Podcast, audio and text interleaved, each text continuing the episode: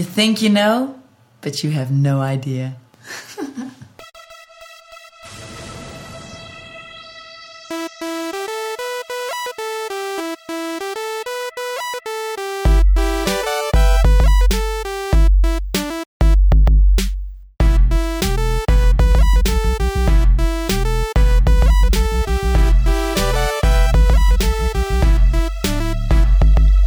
Dit is Comedy Geek, aflevering 5.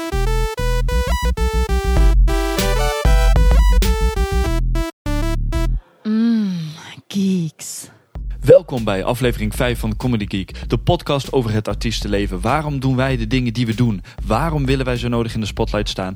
Waarom willen wij zo graag die aandacht? Waarom in godsnaam willen wij zo graag dingen maken? Kunnen wij Nou, daar is deze podcast voor. Mijn naam is Ramon en ehm, eigenlijk moet ik het niveau een beetje naar beneden tillen. Waarom? Simpelweg het energieniveau. Hè? Het energieniveau moet naar beneden, want de, het gesprek van vandaag, eh, wat zo meteen komt, is nogal energiek. En dat is goed, dat is mooi, dat is fijn. Eh, maar dat, daar gaan we het zo meteen over hebben. Waar gaan we het nu over hebben? Ehm, de podcast zelf. De podcast, eh, ik heb, eh, de, dit is inmiddels aflevering 5 en ik heb een beetje in de gaten gehouden hoe mensen deze podcast consumeren, zoals dat zo mooi heet. En eh, ik zie wat cijfers, 1, 2, 3, 1, 2, 3. ik zie wat statistiekjes en ehm, wat blijkt, veel mensen downloaden de podcast. Gewoon direct vanaf comedygeek.nl. Eh gewoon het mp3'tje downloaden. En dat is prima. Dat is mooi, daar is niks mis mee. Dat is zelfs heel lekker op bepaalde momenten. Ehm, maar ik wil jullie eventjes melden wat nog meer mogelijkheden zijn. Want je kan namelijk op comedygeek.nl kun je ook aanmelden met een, eh, via een RSS-feed. Dus als je iemand bent van eh, die eh, podcast automatisch naar zich toe wil getrokken krijgen, dan kan dat. Dan kan dat met zo'n RSS-feed. Op de site kun je gewoon het dingetje aanklikken en dan komt het wel goed. Ehm, dat is een van de manieren. Eh, eh, want het idee van, van zo'n zo'n soort, soort eh, abonnementje, wat een RSS-feed in principe is, is dat je gratis, makkelijk die shit naar je toegestuurd krijgt. Dus zo gauw een nieuwe aflevering is, komt die automatisch bij je binnen. En dat brengt mij bij optie 3. Three, oh, it's the magic number. En dat is iTunes. Als je gewoon naar iTunes gaat op comedygeek.nl, vind je gewoon een linkje. Maar je kan ook in iTunes, in de iTunes Store, eh, zoek je gewoon op Comedy Geek en dan vind je het ook. En dan klik je gewoon op abonneer. En eh, zo gauw er dan een nieuwe aflevering eh, beschikbaar is, wordt die automatisch naar iTunes eh, eh, gedownload. Eh, gewoon helemaal free of charge. En dan, dan is het makkelijk. Dan heb je hem binnen. Dan kun je makkelijk synken met je iPad, je iPhone, je iPod. Dat kunnen we ook wel noemen. Of gewoon je Mac of je PC of whatever. Je die shit ook wil luisteren. Dat kan allemaal met iTunes. En voor de mensen met een Android-phone, eh, volgens mij werkt ook zoiets gewoon, maar dan met de RSS-feed. Dus dat kan gewoon. En eh, op iTunes kun je ook reacties achterlaten. En dat is leuk, want sommige mensen doen dat ook daadwerkelijk. Zo hebben we, de, heeft Comedy Geek inmiddels negen waarderingen. En negen waarderingen van vijf sterren. Boeja! Dat vind ik cool, dat vind ik tof. Het wordt gewaardeerd, dat vind ik gaaf. Ik vind het gewoon leuk. Het is, het is, het, het, eh, voor veel mensen geeft het een, eh, een soort van inzicht in het artiestenleven. Ik hoorde laatst iemand zeggen van het is leuk. Ehm, nou, weet je wat? Ik, ik lees het ook gewoon voor. Er zijn namelijk ook drie recensies. Daadwerkelijke, oprechte recensies van mensen op iTunes. En eh, zo heb je eentje van Cable Claire. Cable, Cable Claire? Nou, weet- Claire, mail mij. Hoe spreek jij dit uit? Cable laten we het gewoon daarop gokken. En die zegt, interessante gesprekken, leuke anekdotes, fascinerende inzichten. Ik ga er gewoon even vanuit dat ze dat zo uitspreekt. Fascinerende inzichten. En dat vind ik mooi. Dat vind ik leuk dat sommige mensen iets hebben van... oh, oké, dit hebben we nog nooit echt als eh, zo gehoord. Zodanig gehoord. En dat, dat is het idee ook een beetje. Hè? En zo schrijft eh, Dirk Jan. Die schrijft prima interviews, leuke insightverhalen en prima kwaliteit. Luister er met veel plezier naar. Nou, dat vind ik tof, Dirk Jan. Want ik doe het onder andere voor jou, hè. Dat jullie dat weten. En dan hebben we nog eh, Peter. En Peter zegt interessante gesprekken over cabaret en comedy in Nederland. En met een lengte van een uur is er eindelijk ruimte om ook eens de diepte in te gaan met mensen die meestal alleen geïnterviewd worden voor een soundbite. Niet te missen voor Comi-fans. Ehm, ja, inderdaad, niet te missen voor comedy-fans. Ik neem aan dat daar een D ehm, zou moeten staan, dat het voor comedy-fans is. Maar hey, dat zijn aannames. Aannames mag ik eigenlijk niet meer doen van mezelf. Dus eh, eh, Peter, comedy-fans, prima. Maar mail mij, leg uit. Wat is een comedy-fan? Ik ben reuze nieuwsgierig. Reacties voor iedereen. Reacties, vragen, inzichten, tips, noem het maar op. Recepten van lekkere brownies. Stuur ze mij naar Reacties at comedygeek.nl en dan ga ik er wat mee doen. Dan, dan, dan beantwoord ik ze. Dan reageer ik daarop. Eh, het, het is ja, een beetje interactie. Moet kunnen. Er is trouwens ook een, Comedy Geek Facebook pagina voor de mensen die daar interesse hebben. Eh, gewoon een Facebook eh, zoeken op Comedy Geek en dan vind je er vanzelf. Ehm, ik heb persoonlijk geen idee wat ik met die pagina ga doen. Want het draait wat mij betreft alleen maar om de podcast. Maar who knows. We gaan kijken hoe en wat. Misschien dat ik een keertje op vertel wanneer ik weer eens op moet treden. Ehm, maar om even terugkomen op eh, de reactie van Peter. Ja, dat is. Dat mensen geïnterviewd worden die, die gewoon dat we wat de diepte in kunnen. En dat is ook het idee natuurlijk. Het is, iedereen heeft al genoeg interviews gelezen en gedaan eh, voor de mensen die eh, in, in, aan die kant van, de, van het artiestenleven staan. Eh, met van die standaard vragen. Waar haal jij je inspiratie vandaan? En zoals Ernst van der Pas dat zo mooi zei, ja, op een plankje bij mij in de keuken.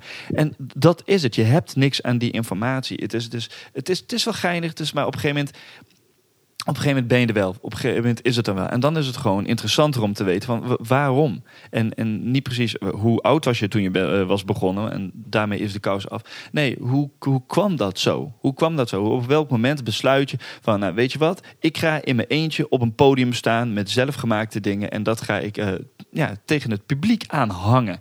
Want daar komt het op neer. Eh, tenminste, volgens nog nu, voor de artiesten die ik nu heb gesproken, is dat het geval. Maar ehm, mijn ambitie om- is om dit veel breder te trekken uiteindelijk. Eh, door ook gewoon, eh, weet ik veel, eh, schrijvers, schilders, noem het maar op. We kijken wel hoe het loopt. Maar voor die tijd zijn er nog tientallen, zo niet honderden mensen die we mm, binnen de comedy scene kunnen ja, pakken. Is misschien wel een goede, goed idee. Ehm, ook als jullie zoiets hebben van, oh, weet je wel, weet je wie je zou moeten benaderen? Weet je waar ik een keer een aflevering, eh, weet je wie ik een keer in een aflevering van Comedy Geek zou willen hebben? Puntje, puntje, puntje, puntje.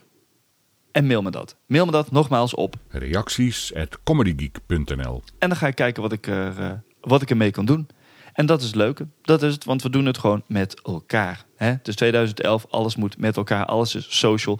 Dus dat gaan we natuurlijk doen. En in het kader van social, laat ik ook eens vertellen...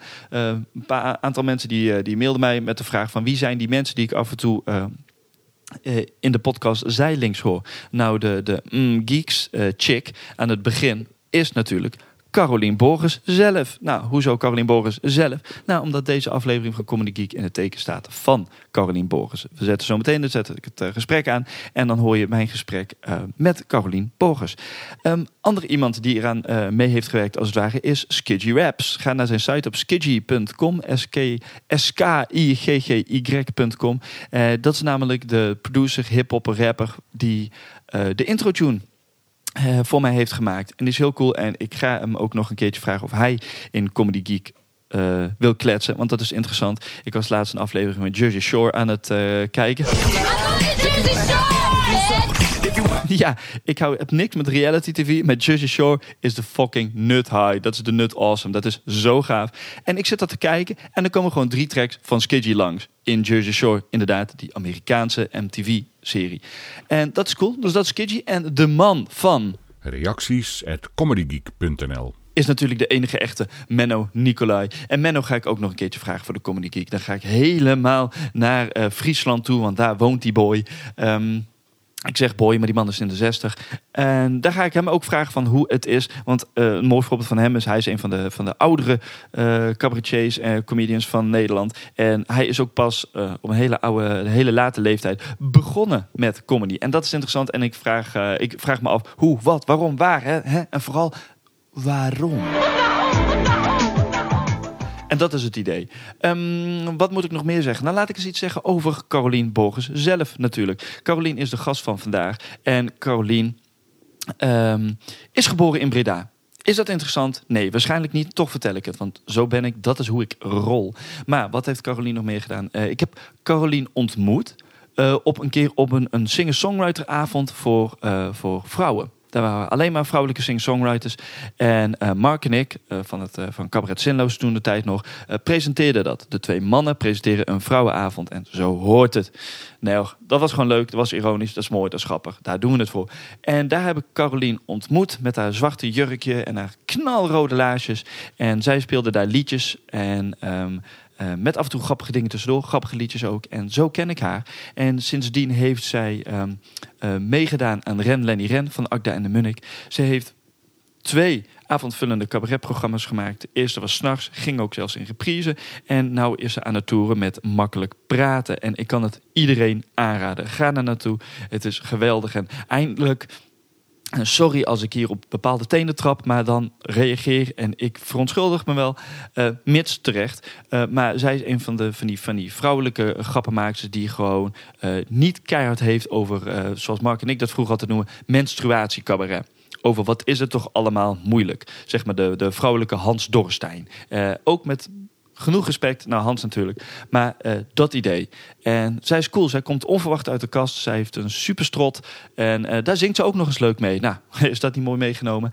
Ehm, en dat is Carolien. Dus ik zou zeggen... eh, eh, eh, ehm, ik eh, zet het gesprek zo meteen nog in. Ehm, dan nu nog eventjes wat pluggen. Eh, mensen, ga naar comedygeek.nl ehm, op Facebook of op gewoon de site. Luister de podcast. Stuur mij eh, berichtjes op Reacties at comedygeek.nl met vragen, tips, inzichten, andere dingen. noem het maar op. En ehm, ga ook naar comedyhuis.nl, de, het comedygroep, gezelschap, collectie, collectief ding waar ik bij zit. Ehm, en waar, waar gewoon op dagelijks eh, niveau allerlei nieuwe dingen terecht eh, komen te staan. Waaronder de podcast. Eh, maar niet alleen mijn podcast, ook de podcast van andere, mede, andere leden van de groep. Plaatjes, video's, noem het maar op. We zetten er allemaal leuke dingen op, dus ga daar naartoe. En elke laatste zondag van de maand, of vierde zondag van de maand, afhankelijk van hoe het uitkomt. In Café U-Rock in Utrecht, de Comedy Huiskamershow. Vanavond is toevallig de laatste eh Comedy Huiskamershow van het seizoen. Dus mocht je dit nog op tijd horen, kom vanavond langs. Maar ik denk dat de meeste mensen dit later zullen horen dan... Ah, jammer man, het was echt fucking awesome. Je had erbij moeten zijn. Het was geweldig. Vooral toen op een gegeven moment toen eh, Jeroen Paten dat... Nou, zijn we, toen kwam Jurg. Nou, en toen, toen Sula op een gegeven moment... Nou, het sloeg helemaal nergens. Het was off the hizzle. Dus dat was gaaf. Jammer dat je niet bij was. En voor de mensen die wel vanavond komen... Het gaat heel leuk worden. En dat is het idee. Comedy Huiskamershow. Kom een keertje langs. En dan nu, niet langer getreurd. Huilen is voor jou te laat. Eh, ik wens jullie veel plezier met het eh, inzichtelijke, maar ook zeg verrassend geeky gesprek eh, tussen mij en Carolien Borgers.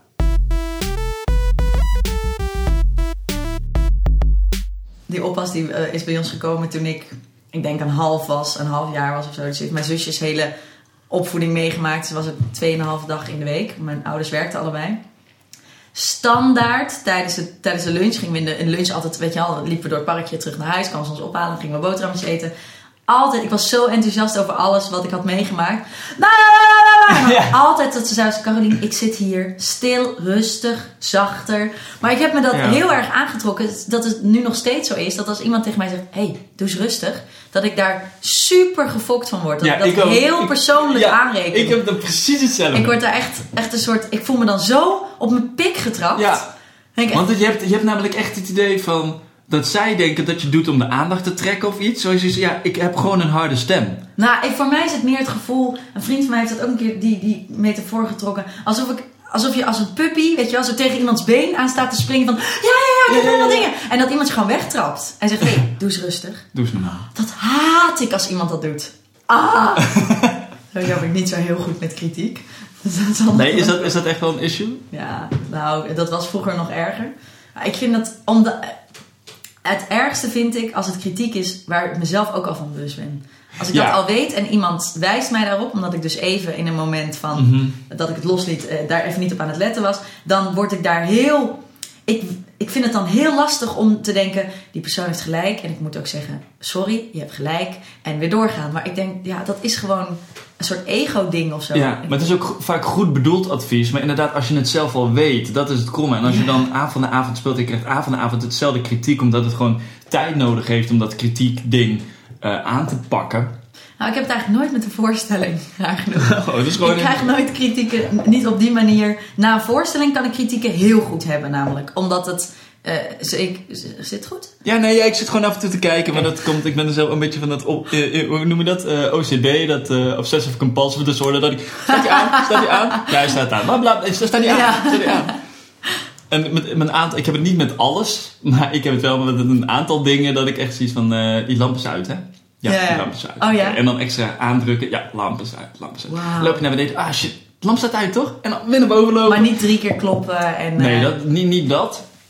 Ook niet heel vaak hoeven checken of een deur dicht is. Dat, dat is wel gelukkig, dat heb ik niet. Maar bij een aantal dingen kan ik me wel echt... eh, ik kan er wel steeds beter mee omgaan, zeg maar. Het, is, het, is, het, eh, het houdt me niet tegen. gewoon? Ja, het is gewoon controle. Ja, maar het is niet zo dat het mijn leven zo beïnvloedt dat het mij eh, dwars zit. Maar ja, gewoon van die, van die kleine dingetjes en dit. Ik zou het namelijk zo kut vinden. Als je zo'n heel gesprek hebt gehad. Nou, het is echt top. En oh shit. Want ik heb het dus gehad, wilde ik een intro maken. Want ik wilde de, de eerste aflevering van deze podcast... wil ik een soort inleiding zijn, dus zonder gast. En Ja. gewoon van, nou, dit is het, dit is de bedoeling, yada yada. En dus ik had zo'n, ja, oké, oké, zo ga ik het hebben. Dus ik zet dat ding aan. Maar hij, dit ding heeft een, eh, twee knoppen. Dus één is dat je het inderdaad eh, eh, kan horen, de, de monitorfunctie, zeg maar. En dan nog een tweede keer dat hij echt loopt. Oh. Dus dan sta ik echt een kwartier te lullen. En die dingen die slaan mooi uit, weet je. Die Ja. beetje, nou, het is prima. En dan zie ik eventjes naar de tijd. 0, 0, Ja. 0, 0, Dat heb je 0. met de Zoom ook, als je opneemt. Ja, dit is de Zoom. Oh! Dit is, eh, Een super geavanceerde Zoom. Nou, dat zou, dit Hoe is, heet die? Oh, dit is dit de is de Zoom H4. H4n. Is, daar kan je daar ook mee filmen? Nee, Oh. Nee, dit is eh, wat, wat het voordeel van dit ding is. En nou komt dat geeky element eventjes van de podcast. Ja. En dat mag ook, hè? Het heet Dat Comedy mag. Geek Nee, ja, zeker. Nee, eh, want ik had natuurlijk rondgekeken. En ik heb een... ehm, dat is ook wel een soort... eh, een van mijn vele tics. Is dat ik wel... Als ik iets doe, dan wil ik het wel goed doen. zeg maar. En ik zou het zo kut Ja. vinden als je de, de eerste beste microfoon koopt bijvoorbeeld.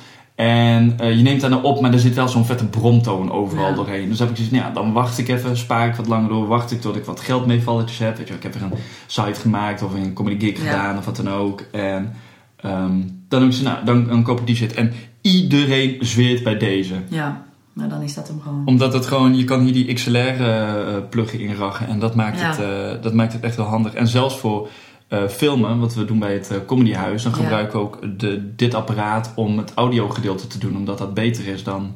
Ja, meestelijk. Dat is goed. Ja, dus je, ja, dit is heel handig. Hmm. En je kan hem ook zelfs aansluiten op de camera en dan met zo'n boompol als je Ja, dat heel... eh, je kan echt een soort professional eh, ding van maken. Als het, er maar, als het maar professioneel uitziet. hè? Uitziet, Het hoeft er ja. niet uit zijn, maar professioneel. Dus ik zit nog te denken, mijn windkap hier, ook Ja. al gebruiken we het niet, nee, maar gewoon... hè? hebben.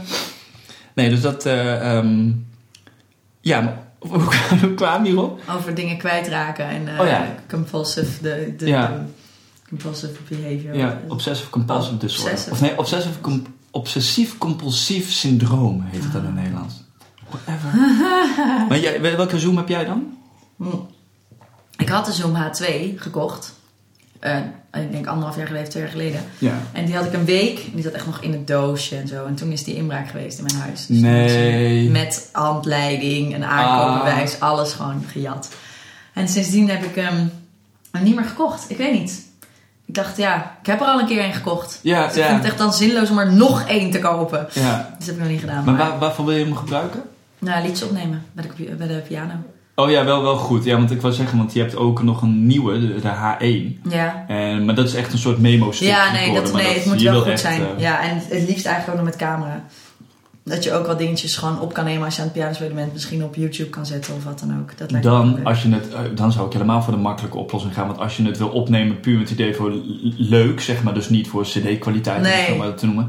Dan gewoon zo'n zo'n pocket recordertje scoren. Ja. Zo'n zo'n flip, eh flipmino ding. Ah ja, dat is ook wel goed. Ja, maar dan vind ik de kwaliteit weer niet goed genoeg van de, voor de, het, het geluid. Die flip valt er, ja, we moeten mij een keer gewoon lenen. Ja? Ja, volgende Heb keer jij dat ik zo'n originele flip of zo'n eh, blauwe? ik heb geen blauwe. Ik heb een, ik heb Flip Mino HD eh, toen de tijd. Oh ja. Is het gewoon die via, zwarte? via moest ik dat nog regelen omdat hij in Nederland niet uitkwam. Ja, zo'n zwarte. En als je dan... Heb ik hem bij me? Nee, ik heb hem niet bij me.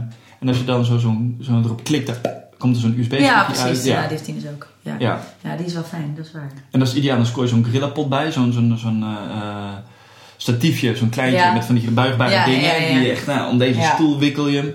En dat is, dat is prima. En geluidtechnisch vind ik dat niet eens zo'n slecht ding. Nou, Als het echt gaat voor een leuk, eh, een soort dagboek-esque iets voor op YouTube en dat soort dingen, dan kun je dat prima gebruiken. Ja. Echt. Maar ja, dat is misschien wel een goed idee.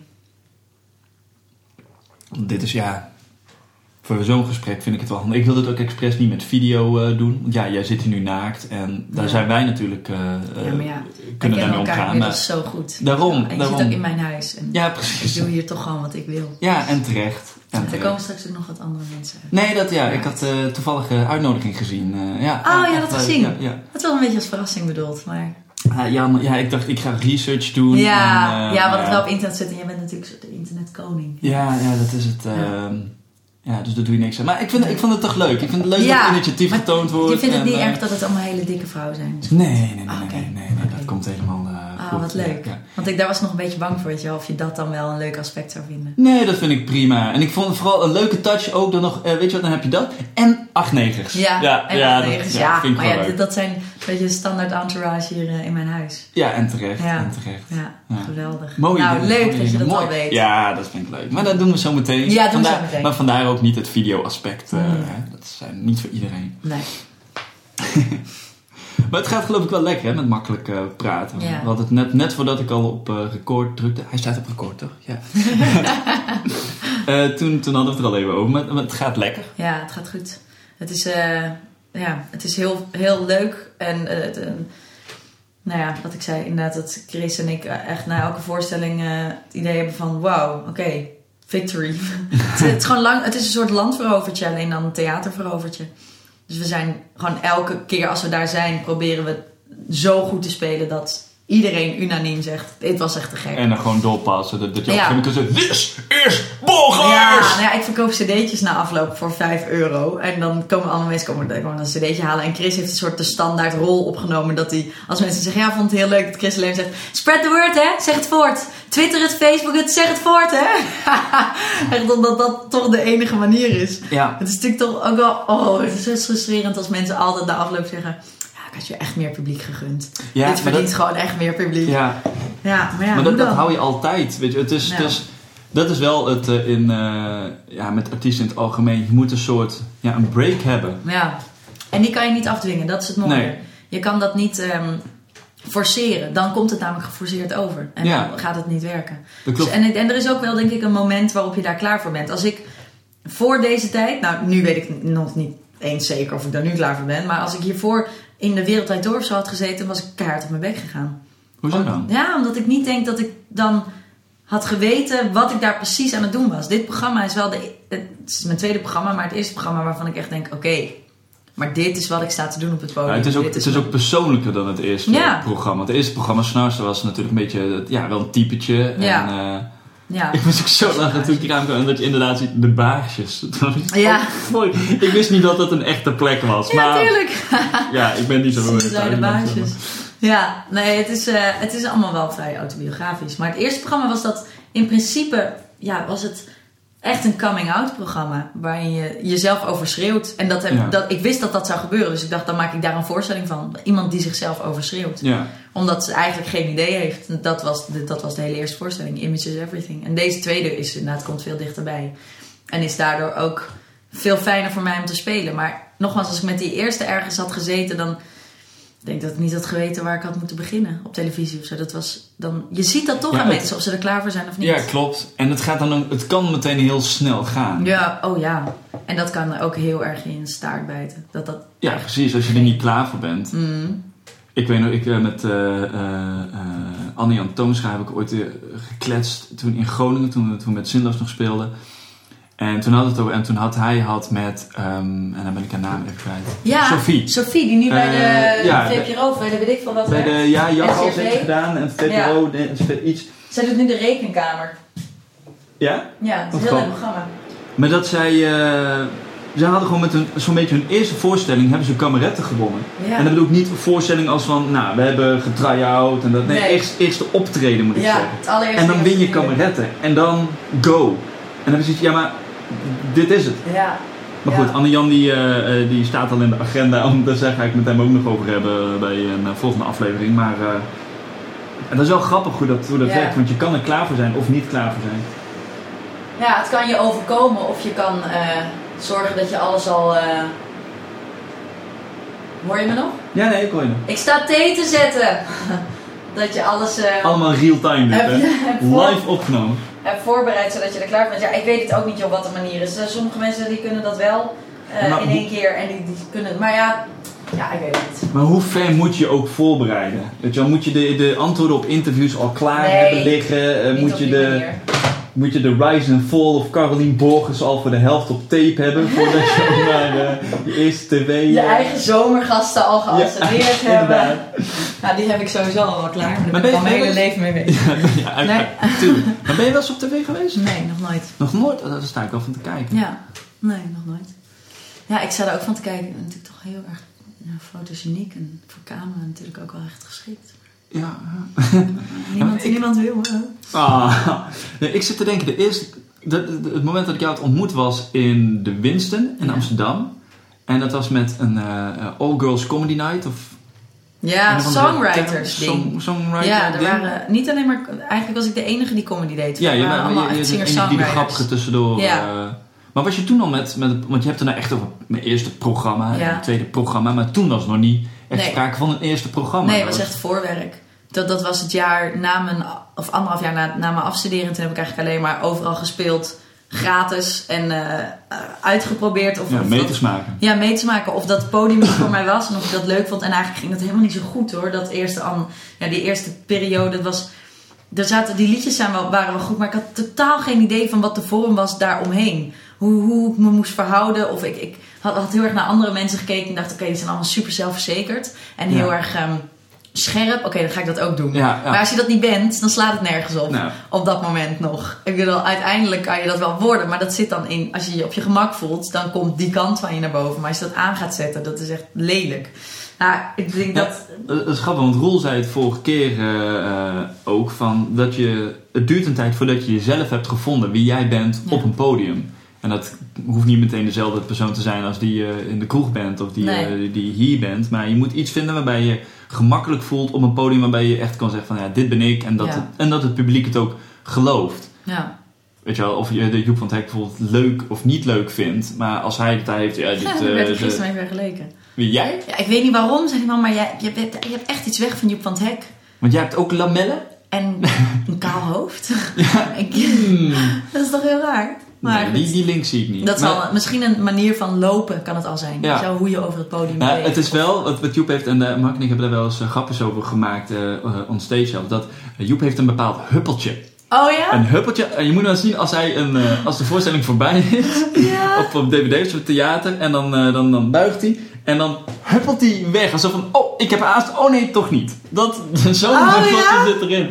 En als je dat eenmaal ziet, dan zie je dat echt in al In alles. Terug. En dat is Oh, gewoon heel grappig. grappig. uh. Ja, hij heeft natuurlijk ook wel een bepaalde manier van lopen en een bepaalde manier van spreken. Ja, precies. Ja, ik doe dit Ja, maar voor, dit dat, ja. werkt niet op een podcast. maar Alsof met je je, handen- de tels laat springen. Ja, of je betelt. betelt Ja. dat springen. Maar wat ik wil zeggen, als hij dat... eh, dan heeft hij bijvoorbeeld in eh, De Baker, Slaper en de Dromer... heeft hij het over ja, een studentenhuis, bla bla. En je weet donders goed dat dat nooit heeft plaatsgevonden. Ja. Maar hij weet wel iets neer te zetten. Ja. Waar je denkt van, ja, dat, voor, voor, het, Plausibel. eh, het- voor het plausibel, voor het, voor het verhaal wil ik hier best in meegaan. Ja. Een soort immersie. En hij doet dat per voorstelling eh een andere vorm. En ja, andere mensen, als je kijkt naar stand-up stand-up comedy, dan is het juist meer van een, echt een type persoon, een personage wat je gewoon helemaal doorzet. Daarin Ja. doe jij jouw comedy. Maar denk je ook dat je nou voor je, voor je nou je bent nou tweede voorstelling, dat je derde voorstelling dat die meer lijkt op de tweede? Of ga je weer iets totaal anders doen? Ja, ik denk dat, nou ja, het is, ja wat, wat je altijd doet, je neemt de goede aspecten mee. En de, degene waarvan je dacht, nou, dat werkt dus niet, of dat is het niet De helemaal. volgende voorstelling is eh, Chris Solo. Is Chris zo? Ja, dat zei ik gisteren ook tegen hem. Ik zeg, Chris gaat door onder mijn naam. Oké, ik zal alle voor de hand liggende grappen even achterwege laten. ja, precies. Ze zijn al gemaakt allemaal. Ja, dat twijfel ik. Ja. Maar eh, nee, ja, ik denk eh, dat het wordt eh, wel muzikaler nog. Groter in ieder geval. Op, misschien wel met een sampler gaan werken. Of, Sampler is echt awesome. ja, dat is zo. Ik heb dat in mijn, zeg maar, het voorwerk voor Snars heb ik ook met een sampler gewerkt. Dat heette toen de Allesvreter. Dat was eigenlijk toen van alles geprobeerd wat, er maar, wat me maar leuk leek. Toen heb ik dat ook. Dat is te gek. Het is een heel goed effect om opeens dat erin te laten komen. Zeker Ja. als je ziet dat iemand op het podium het zelf ehm, hanteert of zelf maakt. Kijk, Ja. als er iets opeens uit een cd komt, vind ik het minder interessant. Omdat ik denk, ja, je zingt het nu mee met een, met, een ja. band, met een bandje of met een cd'tje in dat geval. Maar het ik vind het leuk als je zelf ziet dat iemand dat instart. Ja, maar je moet, je moet wel oppassen dat het geen trucje wordt. Want als je kijkt, Hans Lieberg, die had ook echt zo'n sampler. En dan was, Nou ja. die- ja, maar dat waren echt alleen niks Je hebt zoveel losse kennis samples, van eh. cabaret. Ik vind dat Ik echt weet nog vroeger... Ja, maar ik, je zegt net ook van Joep van het Hek. Ik heb één voorstelling gezien of zo, of twee. Ja, vroeger toen ik eh, voor de tv met de oudejaars. Maar ik ken dat allemaal niet, joh. Ja, ik vind dat grappig, want jij hebt, jij hebt kleinkunst gedaan, toch? Ja, ja. maar ja, geen cabaretschool. En kleinkunst is natuurlijk, eh, focust zich in hele kleine mate ook op, op cabaret, maar niet echt. Het is toch gewoon, het is ook heel veel. Ik zat natuurlijk op de ATKA, dus je had de toneelschool en de kleinkunstacademie in één. Oh. Dus we hebben ook gewoon alleen maar Tsjechov moeten lezen en, en Shakespeare en eh, ons met dat soort dingen bezighouden. Dus de- Oh, oh, oh. ja, er was vrij weinig ruimte voor. eh, ik heb niet echt een cabaret. Dat was toen Wat ik grappig. afstudeerde. Daarna ben ik pas. Oh, die, die zijn er allemaal. En ik heb me, toen was ik tijd, ging ik heel veel met Peter Pannenkoek om, die heel veel kennis heeft. Die weet echt Ja, is Ja, die eh, weet echt veel van cabaret. Die heeft veel mensen Moet je. Richard van Bilsen, die komt af en toe met namen dat je denkt van... Ja, maar die man is ook overleden in 1908. What, what the fuck? Hij is echt een fanaat. Ja, maar Hij goed, is dat is, een hij heeft ook echt zo'n... zo'n zo'n we hebben die, die eerste podcast, was ook opgenomen in zijn cabaretkamer. Dat zijn gewoon stellages met allemaal boeken en cd's en, En dvd's en, en posters. Ja. Zo'n life-size replica, zo'n love doll, maar dan met jouw gezicht. Echt te grappig. Nee, maar Peter heeft dus ook... eh, Ja, Peter weet heel veel. En die heeft me toen al echt op heel veel namen gewezen. En heeft gezegd, ja, ga het maar opzoeken. Ga maar opzoeken over wie ik het nu heb. Dus daar, toen Ja. ben ik me wel, ben ik iets, ehm, ja, ehm, ehm, bekender geworden met de, de mensen die er zijn. Maar toch in eerste instantie niet zo, in, ja, ik heb niet zo heel veel kennis. Meer van de laatste jaren. Ik weet nu wel iedereen die er speelt. En ik speel natuurlijk ook op die cabaret zie Ja. je ze vaak voorbij komen. En nu ga ik wel, veel zie ik wel voor voorstelling Toemler, ken ik iedereen wel. Maar ja, van daarvoor en zo. Het is Ja. toch raar dat dat niet mijn basisliefde is. Ja, maar dat, dat, dat vraag ik mij dus af. Want hoe, hoe ben jij er dan bij gekomen van, nou, weet je wat, ik ga liedjes schrijven. En dat, dat dan nog tot daar aan toe, daar kan ik me wel wat bij voorstellen. Nou, liedjes schrijven was heel logisch. Sorry. Ja, Liedjes schrijven. je mag gewoon, het is... We gaan koekjes aan het eten. Ik ga zo weer ook een pot thee zetten. Mhm. Thee, thee zetten. Ja. Mm. Nou, met liedjes? Liedjes schrijven was logisch, want dat heb ik, deed ik al mijn hele leven. Mm. En alleen eerst was het in het Engels en toen op school heb ik het in, in- ben ik in het Nederlands gaan schrijven. Wa- Wat was de reden voor Engels? Ik heb het idee dat iedereen namelijk om dezelfde reden Engels eh, Mm. begint met Engelse liedjes schrijven. Als je doorbreekt, dan eh, kan het tenminste internationaal. Oh nee, een, eh, nee. Ik, heb Nee, joh, ik luisterde gewoon heel veel naar Heather Nova en Fiona Apple en, en Alanis Morissette. En dat was Engels, dus voor mij was mijn hele referentiekader was ook Engels. Even side note, leuk weet je. Dat de album eh Jack Little Pill van eh Lance Morissette. Dat nummer dat eh, You Ought To Know. Weet je op wie dat gebaseerd is? Mhm. Nee. David, en dan moet ik het goed zeggen, Coulier. En dat, en dan denk je, nou, David Coulier, het, het zal wel, of David Coulier. En dat was een van de ooms uit, ehm eh, god, hoe heet die nou? Hoe heet die serie? Waar Bob House? Saget, Full House. Ja, echt? Ja, die blonde. Dus niet, niet Jesse, niet de, de Nee, die beetje mollige. Ja, precies, hij. Had ze daar iets mee? Apparently. Maar hij was way older than she Dat zou je denken. was. Maar ik, ik hoorde dat laatst ergens in een, in een Engelse podcast. Ik had zoiets no way. Maar goed. Wel ik bedoel, het is, het is een chick, chick eh, rancune to the fullest natuurlijk.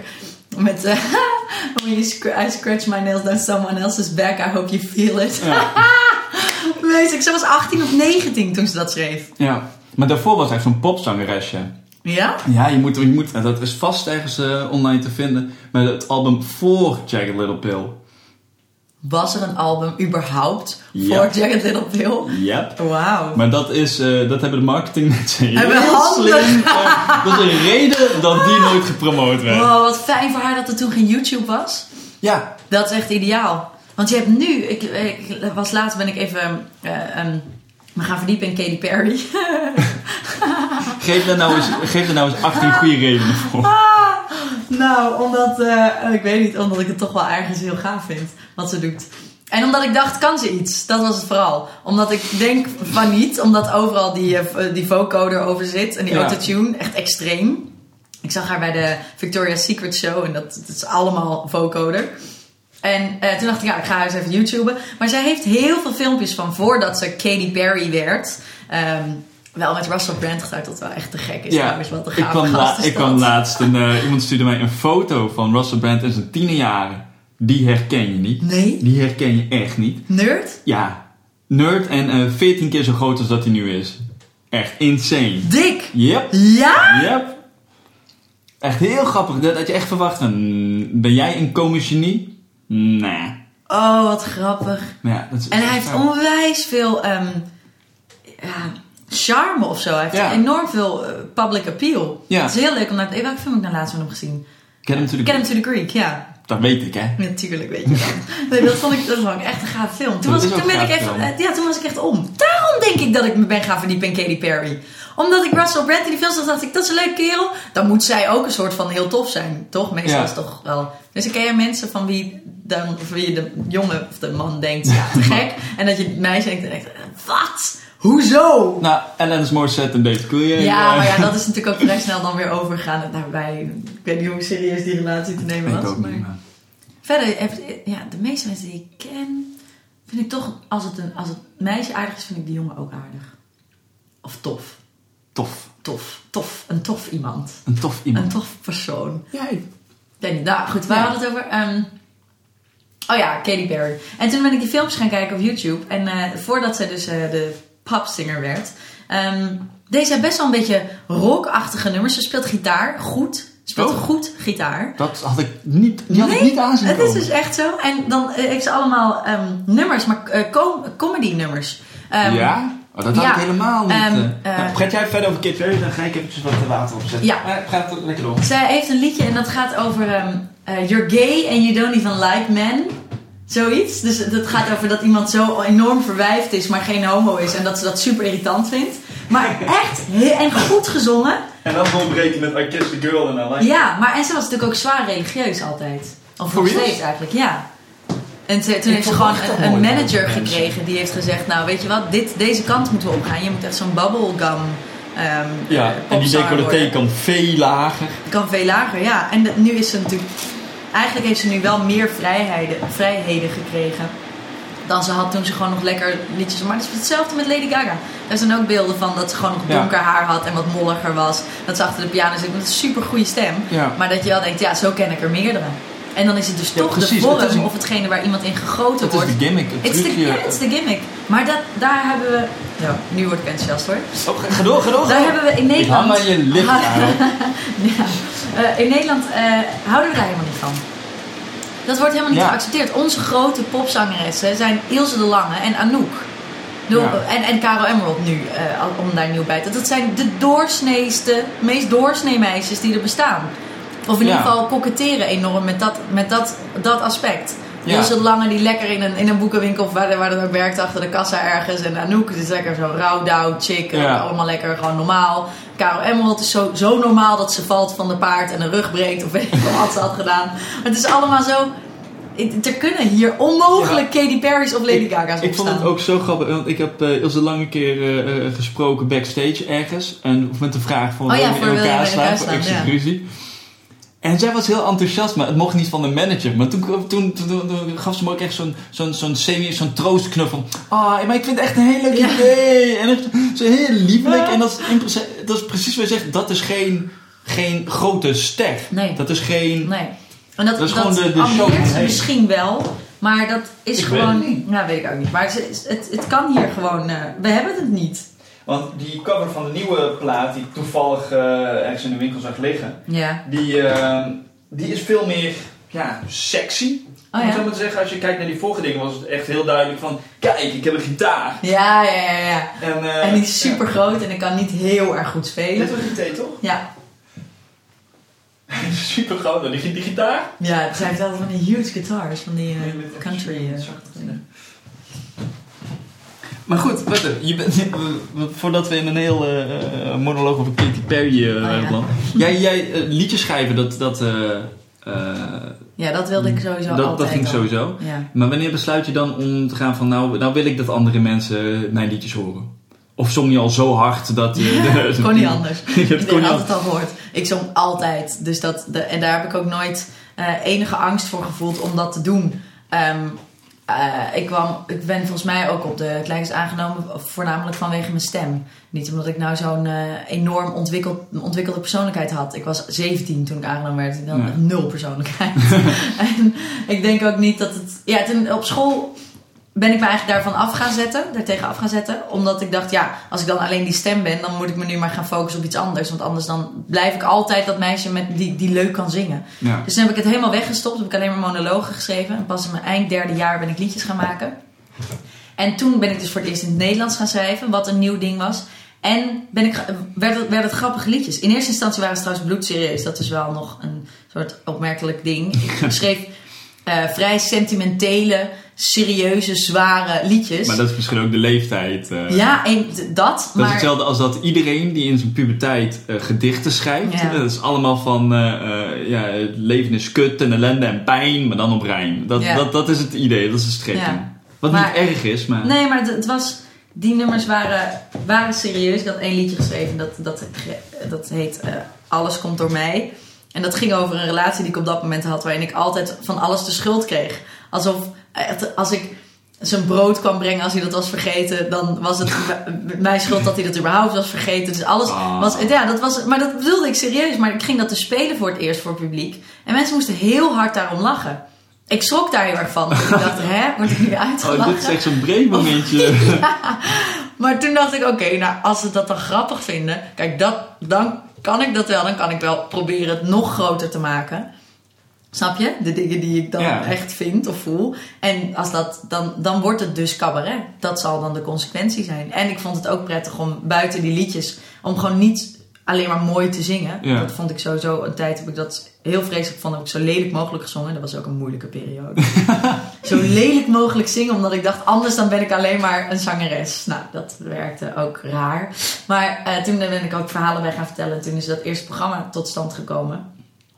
En toen werd het opeens dus cabaret. Maar dat Ja. vond ik wel lastig, omdat het in interviews word je dan opeens de cabaretier of de cabaretière. Maar ik- waarom, waarom ging je dan eh, kleinkunst doen? Want kleinkunst, ja, tenminste, of ik zit ernaast, maar eh, dat associeer ik wel een beetje met, met cabaret en theater. Oh ja, theater, maar niet met cabaret. Maar jij, wat was jouw Kleinkunst doel? is natuurlijk ook musical. Kleinkunst is muziektheater. Kleinkunst is... Het is maar dat was jouw breed. doel oorspronkelijk? Mijn doel was of- iets doen op een podium waarbij ik ook kan zingen. Maar waarom wil je dan zo graag op een podium staan? Omdat ik me daar heel erg goed voel. Ja, Als eh, ongeveer... ik- voel me op een voetbalveld of een hockeyveld ook heel goed. Maar dit is voor mij... ehm, het heeft met de controle te maken van jouw compulsive disorder Ja. syndrome. Of weet ik hoe het Eh, heet. dat heb je ook goed gedaan. En het volgende woord is desoxyribonucleinezuur. Dysoxie. Co- Hoe? DNA. DNA. Oh ja, god. Jezus. Ehm wat zei ik hier? Op een podium staan. Oh ja, met controle heeft het te maken, dat zei ik. En dat het... ehm, eh, als ik op het podium sta, kan ik namelijk... Ik ben ook heel gecontroleerd. Of ik, ik vind het prettig om eh, situaties onder controle te hebben. Of ik ben heel analytisch ingesteld. En als ik op het podium sta, dan kan dat niet. Want daar heb je niks aan je analytische vermogen. Sterker nog, je analytische vermogen kan je gebruiken om je teksten te schrijven, om je liedjes te schrijven, want dan is het fijn, omdat je, weet je, je kan observeren. Maar op het podium zelf heb je er niks aan. Iemand die analytisch is en, en niet daar, niet op dat podium zelf, is totaal vreselijk om naar te kijken. Want die staat zichzelf te bekritiseren. Ja. Dus wat ik, waar, ik toe, waar ik tot word gedwongen, jezus, wat ben ik slecht in het Nederlands. Nee. Ik word gedwongen om niet om los te gaan, om los te zijn als ik op het podium Je gooit jezelf in het diepe. Ja, het is voor mij heel eng. Ik vind het doodeng. En tegelijkertijd vind ik het het allerveiligste wat er is. Ja, ja ik, ik herken het wel een beetje. Ja, ik heb zelf nooit echt gehad dat ik het eng vond, maar... Maar jij bent dus gewoon wel oprecht zenuwachtig voordat jij opkomt. Nee, dat niet meer. Omdat ik nu steeds beter weet wat ik ga doen en wie ik ben op het podium. In het begin was dat erger, maar ik vind het wel nog steeds een krankzinnig idee dat je in je eentje, of nu met Chris achter me, maar in je eentje voor een zaal met 150 man staat. Omdat je denkt dat je Ja, nou mensen, Dat mag. kijk maar eens naar mij. Ja. Hè? Ik ga eens een trucje doen. Dat is natuurlijk heel raar. Dat blijft een raar gegeven, maar je merkt wel dat. je komt er wel achter dat, je, dat het eh, legitiem is omdat je iets geeft. Ja. Al is het energie, al is het een, weet je, wel, een, een gevoel of een... Ja, of, of gewoon, het, je maakt het legitiem door daar al te gaan staan. Ja, ja Omdat door- andere mensen het niet doen. Ja, misschien. Al denk ik dat heel veel mensen het willen. En Dat is... Ik, ik zat daar wel laatst over na te denken. Dat in, toen ik jong was... ehm, het is super oud klinkt nu. Maar, ik wou net zeggen, maar ik je, ben net had, je had 47 kinderen voor geworden. En dan kon je als jong persoon kon je op televisie komen. En, en de Soundmix Show had je, maar dat was al voor ouderen. En je had de Mini Playback Show. En nu is het zo... bedoel, iedereen wilde be- beroemd worden. Als ik kijk naar de vriendenboekjes van vroeger... dan is alle Ja. meisjes schreven... wat wil je worden? Beroemd. Maar dat, dat is nog steeds zo, toch? Ja, maar nu kan het kijkt. ook. Althans, je kan het voor heel kort... kan je even een soort hoos hebben aan de aandacht. En ehm, ja, ik weet niet. De, de- ik denk dat het misschien in het begin... dat dat nog wel dat beroemd worden voor mij een ding was. Dat ik dat wilde toen ik jonger was, klein was. Maar dat is er helemaal af. Die ambitie is echt weg. Ja, de, ja, de vraag is natuurlijk, wat heb je aan beroemdheid? Ja. Als, Nou je, als je kijkt tegenwoordig, ik weet nog op, eh, bij eh, de, het eerste seizoen van Idols, wat ik, eh, ja, dat is nu mijn coming out, Helemaal ja, dat heb ik gekeken, Ik helemaal gevolgd. Net zoals de rest van Nederland trouwens. En net zoals de eerste Big Brother, die ook iedereen gevolgd Die heb ik een beetje gemist. Ik ben bij de tweede pas begonnen en toen was het echt al, toen, ja. Je hebt Ruud en Bart er zo gemist. Ja, ja, Sabrina. ik ben er tegen het einde ingerold. ja. Maar ehm, van Idols, en dan was er een, en dan was er een meisje Ja. en die, die kwam op en die, die begon met een, die, die stond daar echt zo, alsof ze op de bus stond te wachten met een, met een tasje vast. ja. En die mompelde echt van. En, en de, de jury vroeg: ja, waar, waar ben je mee bezig? Ja, weet ik veel, maar ik ben in ieder geval wel op tv geweest. En dan moet je zo: why? Ja. Waar, waarom zou je dat willen? Wat, wat voegt dat toe? Wat is. TV, het stelt toch eigenlijk niks meer voor, zou je denken. Maar dat is dus nog steeds. Als je de wereld rijdt door, kan nog steeds gewoon een, een eh, alle goede, deuren openen. eh, goede deur openen. Ja, klopt. Ja, het is, het is natuurlijk het meest bekeken medium wat we hebben. Ik bedoel, op internet nou, maar dat, dat is wat selectiever. Maar televisie, Boer zoekt vrouw, daar kijken 5,2 miljoen mensen naar. Dat is fucking veel. Dan heb je eh, een derde van de bevolking van Nederland, ziet je. Ja, Dat doet iets. Ik Ja. weet niet wat, want ik weet niet hoe dat ja is, dat, maar zorgt voor die, iets. dat maakt het legitiem ook. Nou, het maakt het ook legitiem dat je bestaat, natuurlijk. Als heel veel mensen je kennen. Ik denk dat dat... Ik heb net dat boek gelezen... eh, hoe heet het nou ook alweer? Van een filosoof. En dat gaat over het ego. Ehm, Ego, dat is Jung, toch? nee, het is, niet, het is van een, een hedendaagse Of is filosoof. dat Freud? Nou, dan haal ik... Nee, die zijn allemaal wat ouder. Die twee... Ja, ja, oh, dat is- oh, bedoel je die gast van eh eh, Het is een- Nietzsche leest de krant? Nee, niet Rob, Rob Wijnberg. Nee, het is een, ehm, een, een knappe man. Daar koketteert hij ook mee. Hij zegt ook, ik ben, ik ben knap en ik, ik heb een groot ego en ik wil altijd op televisie komen. En ehm, wat is daar zo verkeerd aan? En wij kunnen niet op zijn naam komen. Dat is Ja, wel een fuck. mooie Ja, maar hij ironie is- ze dat. Ik, oh, oh, het staat ergens opgeschreven. Ik heb het ergens opgeschreven, maar ik kom er later nog wel op. Maar hij verklaart eigenlijk voor zichzelf waarom, het, eh, eh, waarom hij op televisie wil. Of waarom hij die beroemdheid wil hebben. Omdat hij zegt, dan besta ik.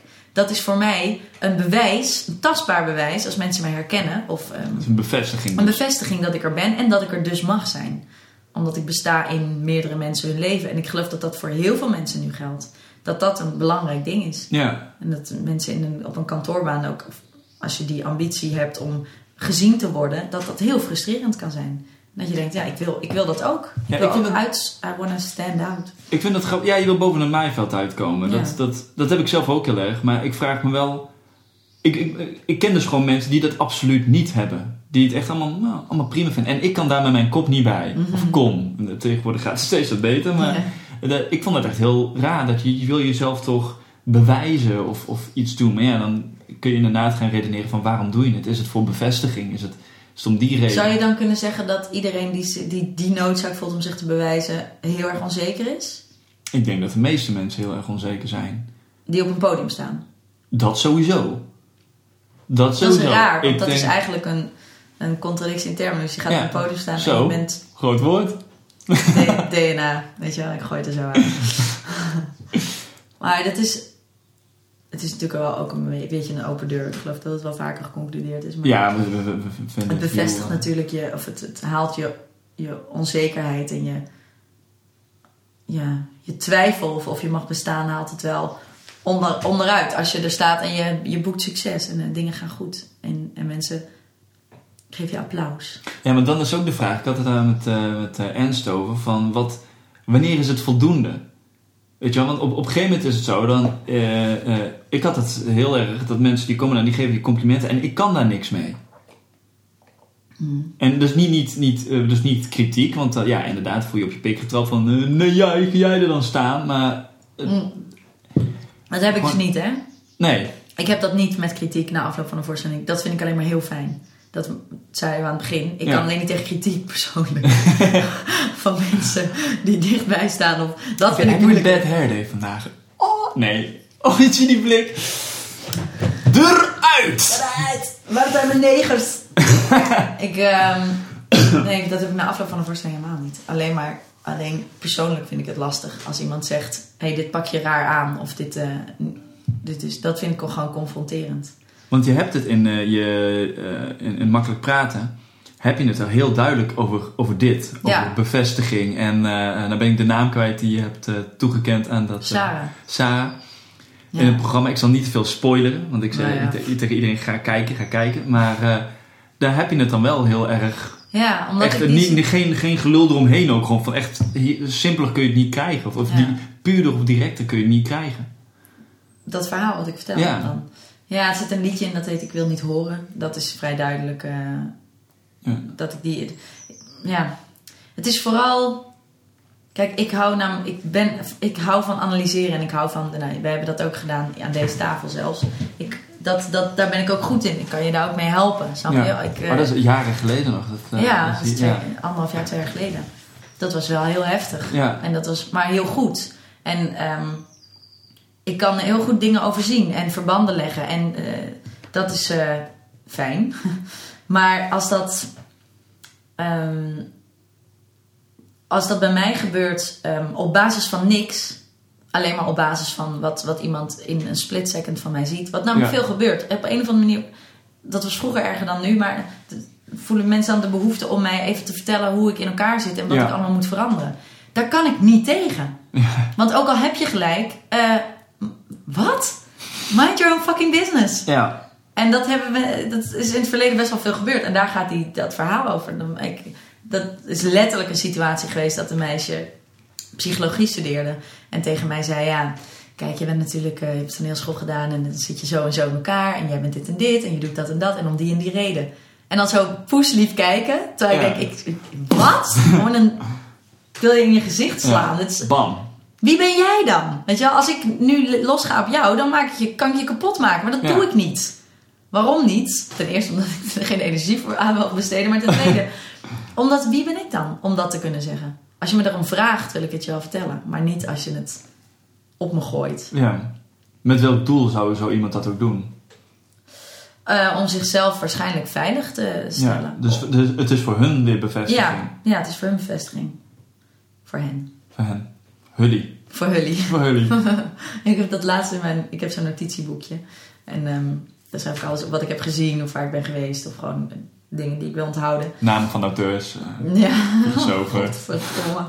Oh, die gastnaam. Oh. Maakt uit. Door. Ah! Dank je. Eh, maar daar heb ik ook de hele regel voor hen en hun ingezet. Omdat ik die altijd fout doe. Ik, nou, ik vind dat heel belangrijk, hè, dat je goed Nederlands spreekt. Ik vind dat echt Het Hollands. goed Hollands spreekt. Ik ben ook nu de laatste tijd op mijn ei aan het letten. Want ik zeg heel vaak ei. En het is ei. In plaats van ei. Oh, ik zit echt in een... Ik probeer de context... gewoon ei. Als Ja, wat uit de kip rolt. Nou ja, nee. Alles gewoon gelijk. Of eh, Oh. krijgen. Dat is krij- krijgen. Gelijk. Het is gelijk. Gelijk. Krij- Gelijk. Grappig dat ik gelijk krijgen nu neem als krijgen. Ik neig naar gelijk Als hier een krijgen. psycholoog zou zitten, dan zou ik denk ik nu keihard door de mangel gehaald worden. Maar ik had daar dus opgeschreven hun en hen, want het is een moeilijke regel. Ja. Maar het is eigenlijk altijd hen, tenzij het voor hun is. Of het is... Hun is toch Nee, bezittelijk? eh, voor hen is het... eh, ja, bezittelijk. Dus als het iets van hun is, een boek of zo. En ook als je er dat ervoor kan denken. Dus we hebben dat aan. Ja, het is een, dat had, dat had een woord vroeger. Dat, dat heeft het waarschijnlijk nog Het steeds. Maar Hen, aanwijzend voornaamwoord? Nee. hun, hun. Het is- Oh. Dat, ja, ja. Maar het valt me ook op hoeveel, hoe slecht Engelsen Engels kunnen. Het Oh, verschil ja? tussen, your eh, met eh, aan elkaar. Ja. Tussen Y-O-U-R. En eh, eh, ja, jou, your. eh, het eh, ja, het Ja. klinkt hetzelfde natuurlijk, maar Y-O-U Ja. apostrof R-E. You Een there en there. Van hun spullen of daar. En eh, then en then. Dus met een E of met een A. Is dat niet gewoon allemaal gemakzucht of weten ze dat dan echt? Ze weten niet, maar dat is hetzelfde. Want eh, Nederlanders doen dat wel- vaak dan goed, omdat zij misschien de regeltjes kennen. Ja. Eh, maar andersom is het, wij zeggen ook van eh, dat is beter dan of als. Zo, En, maar eh, die haat ik echt. Gisteren hoorde ik Hero Brinkman gewoon. Ja, nou ja, onze plannen zijn in ieder geval beter als, eh, als eh, hun. Of als, als die van... eh, nou, dat is goed. Ze zijn beter als Rita Verdonkter plannen. Zoiets. Als die Zoiets. van jullie. Ja, nou, al- hij moet, had in ieder geval dan moeten zeggen. Wat een mogol. Hm. Nee. Ja. Maar maak je daar echt gebruik van? Speel je daarmee? Met taal? Ja, heel veel. Ja, ik, ja, ik zit nu een paar liedjes, eh, kan ik me ook wel... eh, Ja, ik denk dat het wel... Ja, Ja, het grappige is, want veel van jouw liedjes eh, hebben een clue, om het zo maar eh, te zeggen.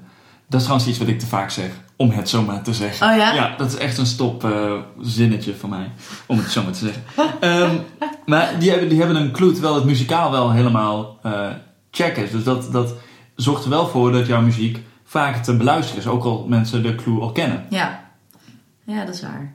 Ik probeer, dat probeer ik ook. Het is best een moeilijke, eh, moeilijk ding om een liedje te maken waarvan je denkt dat, het, ehm, dat je het inderdaad vaker moet kunnen luisteren. Dat het echt een, een popnummer is of een, gewoon goed, een goed liedje gewoon. En tegelijkertijd dat het waarde heeft in het theater als onderdeel van een voorstelling. Dat is best lastig. Er staan, natuurlijk er staan acht liedjes op de cd en er zitten veel meer liedjes in de voorstelling.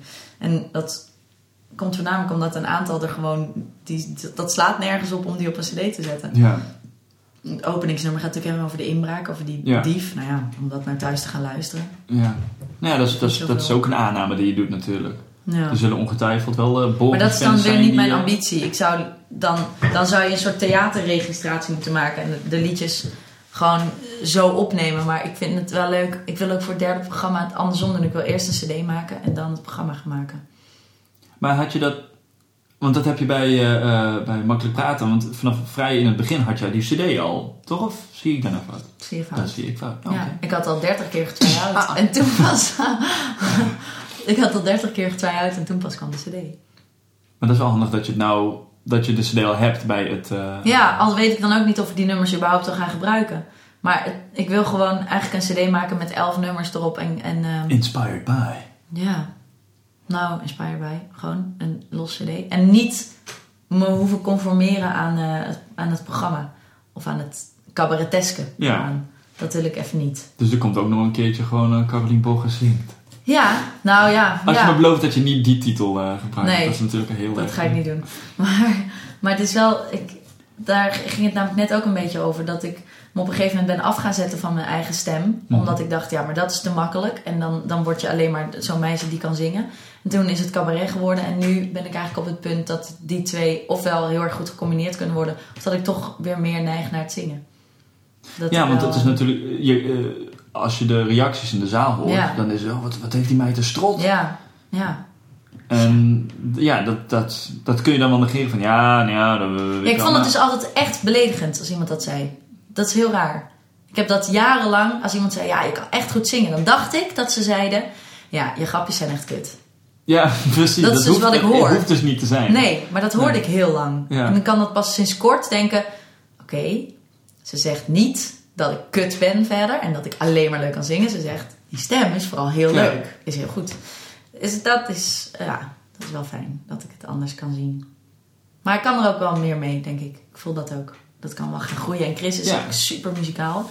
Dus we kunnen dat samen ook wel gaan uitwerken, denk ik. Ik vind de wisselwerking ook heel leuk eh, op het podium. Het, het, het, het, het, klopt. Ja. ja het is echt een, een hele echt een bijzondere kerel. Zo'n... Hij heeft enorm veel talent. voor heel veel dingen.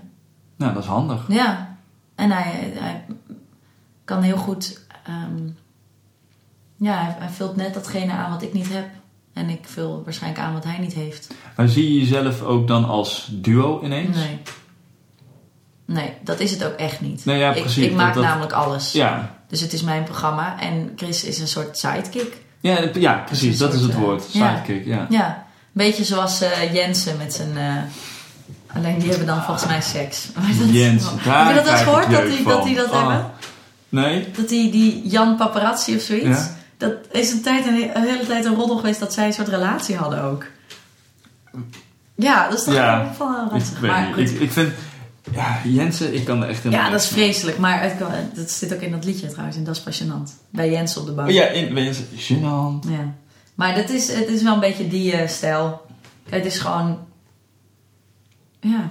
Hij is meer dan een muzikant. En het is, en, maar, maar het is niet een... Het is geen duo. Ja, het is een duo. Maar het is niet... Ja, nee, ja, ik begrijp Het is niet Grem en Borgers eh, gaan eh, het land in. Gem en Borgers. Nou, Sowieso omdat het super kut klinkt. dat wou ik net zeggen. Oh. Chris en Caro, dat zijn dan nog wel leuk. Ja, dat allitereert tenminste Ja. een beetje. We hebben ook een eh, kerstding. we zingen dan kerstliedjes voor bedrijven en zo. Weet je, als een decembersnabbel. Dan heten we Christmas Carols. Chris en Carol sing Christmas Carols. Wel leuk gevonden. ik weet nog dat jij met, eh, met, ok, met Okker... eh, Happy eh, Hardcore. Happy Hardcore Ja. eh, deed bij Olaf van Jasper met Vrienden in de Bosjes. Ja, dat ga ik weer doen in mei met, eh, bij Bal 11 in Ahoy. Gewoon Wat? in Ahoy gaan Dus je we Happy Ahoy? Hardcore doen. Bal 11 is het grootste studentenfestival, eh, studentenbal van Nederland. Wat cool. En eh, dat wordt, eh, Guus Meeuwen speelt daar en Tinus gaat er met zijn band spelen en eh, Memphis Maniacs. Dat is heel groot. En er staat, er staat ook cabaret. Ik heb geholpen met de programmering voor die cabaretzaal. En daar staan wij dus ook. Oh nee, met Happy Hardcore. Ja, Ja, dat is dat Met studenten, dat wordt te gek. hit. Dat wordt Ja, een dat denk ik keiharde ook. hit. Denk ik ook. Ja, het is sowieso heel gaaf om te doen. Echt cool. Ja. Ik zit te denken, eh, zijn er eh, videobeelden van Snars? Is het een keer goed Ja. opgenomen wel? Ja. Dat heb je wel laten doen. Ja, ja ik zat vanochtend nog aan te denken dat dat... Ik dacht, stel dat ik doodga en het wordt opeens... Weet je wel, willen mensen dan... Dan gaan ze zo door je spullen zoeken en zo. En dan, stel dat ze dan denken, ja, die registratie moeten we vinden. Dan is er maar gewoon maar één iemand die dat heeft en dat is de jongen die het heeft opgenomen. Als hij het Ja. nog heeft. Maar anders denk ik niet dat je dat... Het staat ergens op een cd'tje in die hele grote Ja, berg. ja dat soort dingen moet je wel. even eh, veilig zetten. Ja, of niet. Ja, ja dat, dat ligt eraan. Ik weet nog dat eh, Mark en ik hebben heel wat dingen opgenomen. Op een gegeven moment een cameraatje gekocht. Maar ook dat staat nog op bandjes. En Precies. op bandjes, mensen. Bandjes. Ja, vond ik ook laatst. Kees Storn heeft niks opgenomen, hè? Nee, nou, dat is grappig. Ik zat gisteren dus een beetje wat mp3'tjes eh, door te zoeken. En dan kwam ik ook wat dingen van Kees Toorn tegen. Maar qua ja, echt videoregistratie is het er niet van. En ook aan audio is het... Ook niet. Af en toe toevallig. zulke mooie nummers Ja. heeft gemaakt. Ja, troep. Ja. Hm? Oh, oh, oh, wat een troep op mijn bureau. Dan leg ik altijd alles even neer. en streepjescode is natuurlijk eh, een heel cool nummer. Ja, heel Ja, maar dat, ja, dat is inderdaad jammer. Want soms zie je dat van die, van die, van die eh, artiesten die nog niet groot genoeg zijn voor een echte tv-registratie. En dan precies van, dit is zo, dit is zo goed. Maar dit Ja. gaat gewoon in de... Tenzij ze het zelf doen, dan, wordt het, dan gaat het in de, raakt het in de vergetelheid. Of wat is uh, uitgedrukt? Nou, zeker nu. Kijk, ik denk dat dat 10, 20 jaar geleden nog wel anders was. Toen kon je er nog mee wegkomen om gewoon in het theater te spelen. En daar, weet je wel, je, je, je, ja, je stempel op te drukken. En, en dat mensen... Het, ik had er gisteren nog met de programmeur van het theater over in, in Oosterhout. Die zei ook, vroeger was het zo dat wij gewoon bepaalden... als er iets stond, dan was het dus goed. Want wij hadden dat gezegd. Ja. Dan dachten ze, oh, nou, dat vindt, eh, het theater vindt het goed, dan gaan we kijken. Nu, alles gaat via via. Wat Mark Zuckerberg ook zegt, uiteindelijk is het gewoon naar welke film ga ik. En ik kijk naar wel- welke films mijn vrienden goed vinden. ja, ja. Want dat zijn, is toch mijn referentiekader. Als jij nu tegen mij zegt dat je die Mark Maron goed vindt, Ja. dan ga ik dat luisteren. ja. Veel eerder dan als ik ergens zie staan, of, of weet je wel, eh, ergens in een boekje zie staan, Mark Maron is te gek. Het, het grappige is dat dit eh, geef ik dus ook echt workshops over bij mijn bedrijf. Dit, Oh ja? dit is gewoon sociale context. Ja, maar dat wordt zoveel belangrijker. En zoals Kees Thorn het heeft gedaan, dat heeft best wel lang gewerkt. Want hij had echt wel volle zalen en een, een, een goede naam opgebouwd. Maar in, in 2.0, in nu, heeft dat gewoon geen zin. Je moet tastbaar materiaal hebben. Dat kan niet anders. anders Je dan moet iets hebben wat je door kan sturen. wat je door kan sturen. En waar Ja. mensen van kunnen zeggen: kijk, luister, dit is. Of je Ja. moet dit even zien. Of je. En dat is vreselijk dat het zo is, want je zit er ook aan vast. Ik bedoel, als Alanis Morissette nogmaals in die tijd was geboren, weet je wel, of in die tijd eh, groot was geworden, dan had het er misschien wel in de weg gezeten. Je moet je ook bewust zijn van het feit dat alles wat er staat, tenzij het er zelf op opgeflikkerd, er echt niet meer afgaat. Nee, ja, klopt. Ik heb wel, er staat één filmpje op YouTube waar ik niet zo heel blij mee ben. Helemaal niet blij. Ik heb echt al 8000 mailtjes gestuurd van jongens, kan het eraf alsjeblieft. Maar als zij zeggen nee, dan gaat het er natuurlijk niet Ja. af. Waarschijnlijk met een rechtszaak zou dat wel lukken. Ja, maar, Maar dat, eh, moet je, zo moet je belangrijk dat is het willen. niet. Ja. maar het is, dat is een raar besef. Ja, het is, het is steeds voor- en zijn nadelen. Alles wordt in ieder geval voor je gearchiveerd. Maar dat, toen de tijd was het... en nou klink, ga ik als oude lul klinken. Maar dan als je iets op tv zag... Dan was het, tenzij je het met je videorecorder had opgenomen... Maar dat was het. Dat was de Ja. laatste keer dat je het ging zien. Ik Ja. weet nog dat Michael Jackson had een eh, reclame gemaakt voor Pepsi. En die werd op een specifiek tijdstip uitgezonden. En als je dat toen niet voor je tv zat... Ja, Jammer. ja. Als niemand hem voor je had opgenomen op, op cassette, op, op VHS, dan zag je het gewoon niet. Nee. En dat komt dan allemaal terug. Ineens komt, komen al die, die intro-tunes van die eh, nummers uit onze Ja. jeugd, eh, die tekenfilms. Barefoots laatst nog een heel goed, eh, een goede column over geschreven. Nou, ik zat echt uren, had ik TMF aan om maar te wachten totdat Hansen met Mbap zou komen. En als die kwam, dan was echt alles liet ik vallen. Dan zat ik echt zo voor de tv. Oh my god! Totaal gefreakt. Dat is voor nu natuurlijk helemaal niet meer, eh, dat is helemaal niet meer relevant. Zoek je namelijk gewoon op. Ja, Het staat er toch altijd op. Je- Ik heb nu al die Lady Gaga komt uit een ei bij de Grammys terug kunnen zien. Dat gaat Ja. allemaal zo snel. je hoeft er allemaal niet bij eh, Nee. mee te zijn. Je doet het Nee. wanneer het jou uitkomt. Ja. Ik zit ook te denken dat de, die, je zei net ook van degene die, als van de opnames, dat ligt alleen bij degene die het heeft opgenomen. ja. Ik heb daar ook eh, met, eh, op, eh, tijdens mijn studie heb ik een theatervoorstelling eh, gespeeld. Barmeid gezocht, MV. Ja. En dat is toen opgenomen en die, de- door eh, iemand die nou op tv te zien is, eh Pepijn Gunneweg. Hey, Pepijn. En die, eh, ja, die, die opnames hebben we ook nog nooit gezien. Dus als je hem spreekt, Oh ja. ik vraag me af of hij die opnames heeft. Aston Brothers. Nou, dan kan je zo mailen waarschijnlijk. Zoek hem op Facebook. Ja, moet ik ook eens doen eigenlijk. Dan moet geen grote moeite zijn. Leuk hè, Wie is de Mol? Ik volg het niet. Oh. Mensen zijn er echt Ik helemaal heb het nooit gezien. Alle seizoenen niet. En dit seizoen ben ik opeens hooked. Ja, iedereen is. Iema- Iedereen bij mij op het werk heeft het er namelijk over. Ja. Wie denk jij dat het is? leuk. Ik heb geen idee. Maar ik wil meedoen volgend jaar. Regel dat. Ik weet niet hoe dat moet. Make it happen. Ja. Volgens mij moet je daarvoor gevraagd worden. Ja, maar volgens mij is het ook... Nou, je moet wel een beetje in de, in de spot... Het, toch, Wie is de Mol is toch eh, een bekende Nederlander ja, ding ja een soort van. Zo, ja, sommige heel bekend en sommige iets minder bekend. Ja, oké, maar het, het is gewoon een kwestie van je even... Ja, dan moet je wel de voorwaarden jezelf eh, in de kijker Ja, zetten, stellen. maar dat lijkt me zo leuk. Oh, dat is namelijk super competitief. ben je competitief? Oh, ja, joh, ik voetbal niet voor niks, hè? ik, vind dat, ik ben alles is competitie. Ik snap dat ik echt niet. competitiever ben dan jij? Maar ik snap echt niet wat de lol is van iets als het niet competitief is. Als ik iemand help verhuizen, vind ik het alleen maar leuk als we dan of tegen de klok racen of tegen elkaar. Gewoon wie het meeste naar beneden kan sjouwen. Anders vind ik er geen reet aan. Dat is echt een hele slechte eigenschap, maar dat heeft. Nou. Dus als ik binnenkort laminaat moet leggen... Nou, dan is, vind ik dat alleen interessant als je zegt er is iemand die beter laminaat kan leggen dan jij. maar dat weet ik niet zeker. Dus misschien moeten we dat even gaan testen. Dan ben ik er. wedden dat dit, dit laminaat niet eerder gelegd kan krijgen dan dat ik gewoon in de stad een, pilsje pak. Ja, Nou, super interessant, meteen. Dat is echt een soort, dat is een baasgevoel, jongen. Dat zit ergens hier zo in die hersenen. Dat gaat meteen zo. Het gaat meteen gloeien als je zegt wedden dat je dat niet. Wedden. Oh! Nice, nice. Ik denk dat dat wel een drijfveer is voor, ongeveer, voor heel veel wat ik doe. Dus een wedstrijd met mezelf. Kijken of het kan. Nou, dat, dat kan ook een goed iets zijn. Ja. Ik doe ook dingen omdat ik gewoon wil kijken of het kan. ja. ben en eigenlijk omdat ik denk, ik kan het vast niet. Oké, ik kan het dus wel. Oké, dan ga ik het gewoon Ja. doen. Maar dat had ik met jong leren. Ja, dat heb ik ook geleerd deze zomer. Jong leren? Ik kan het niet jong leren. Geef me drie ballen. Ja, eh, eh, uurtje later, ik kan jong leren. Mooi, leg je die ballen weer Een weg. uurtje later voor fucking real. Met drie ballen. Niet, niet te ingewikkelde shit, met drie, Drie, ballen. ik heb daar twee of drie dagen over gedaan. Ik was in Sorry. Frankrijk en ik heb echt lang geoefend. Maar ik kon het wel uiteindelijk. Oké, nou daar gaat het toch om. Maar dat was ook zo, want ik was met een vriendinnetje op vakantie. We waren een hele grote groep, maar er was één, één ander meisje bij. En die wil, ging ook jong leren en ook gitaar spelen. Ja, dan, ben- I'm on. Ik bedoel, anders had ik het er waarschijnlijk al lang neergelegd. Maar omdat zij het ook ging leren, dacht ik, oké, dan moet ik altijd net iets beter zijn. Oh, nice. Maar zij had dat ook. Dus dat was echt leuk. Daardoor werd het echt spannend. Op een gegeven moment staan jullie allebei John Mayer solo's te spelen. Een paar dagen later. Check dit dan, check dit dan.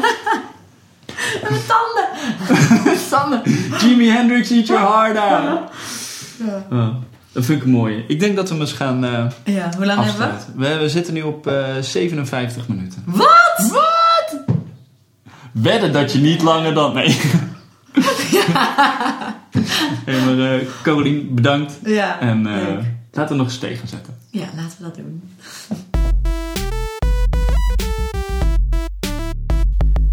En dat was een gesprek met Carolien Borgers. Ik vond het leuk, ik vond het gezellig, ik vond het mooi. Eh, het is me helaas niet gelukt om het energieniveau in mijn, eh, mijn deze stukjes in de inleiding, om die naar beneden te halen. Dat is niet gelukt, sorry. Eh, het gaat gewoon door, het gaat gewoon bam, bam, bam, het gaat door.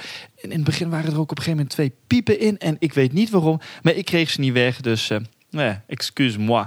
Eh, maar goed, ik hoop dat jullie er over twee weken weer zijn bij aflevering 6 van Comedy Geek. Dan met Wilco Terwijn, het eh, enfant terrible van de Nederlandse graf magazine. En als je wil weten wat de fuck is dat, luister. Over twee weken met Wilco Terwijn, aflevering 6, Comedy Geek. Mensen, later.